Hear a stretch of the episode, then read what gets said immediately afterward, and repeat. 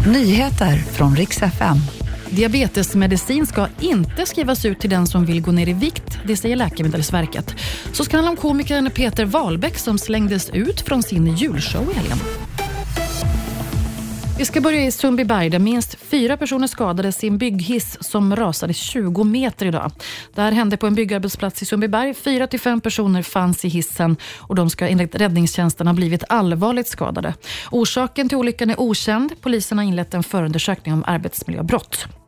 Diabetesmedicin ska inte skrivas ut för den som vill banta. Nu varnar Läkemedelsverket. Och I en debattartikel skriver de att de ser mycket allvarligt på att kroniskt sjuka patienter inte får tag på sin medicin eftersom läkemedlet Ozempic skrivs ut så omfattande till personer som bara vill gå ner i vikt så ska det handla om komikern Peter Wahlbeck. Han slängdes ut från sin julshow efter det som hände i helgen.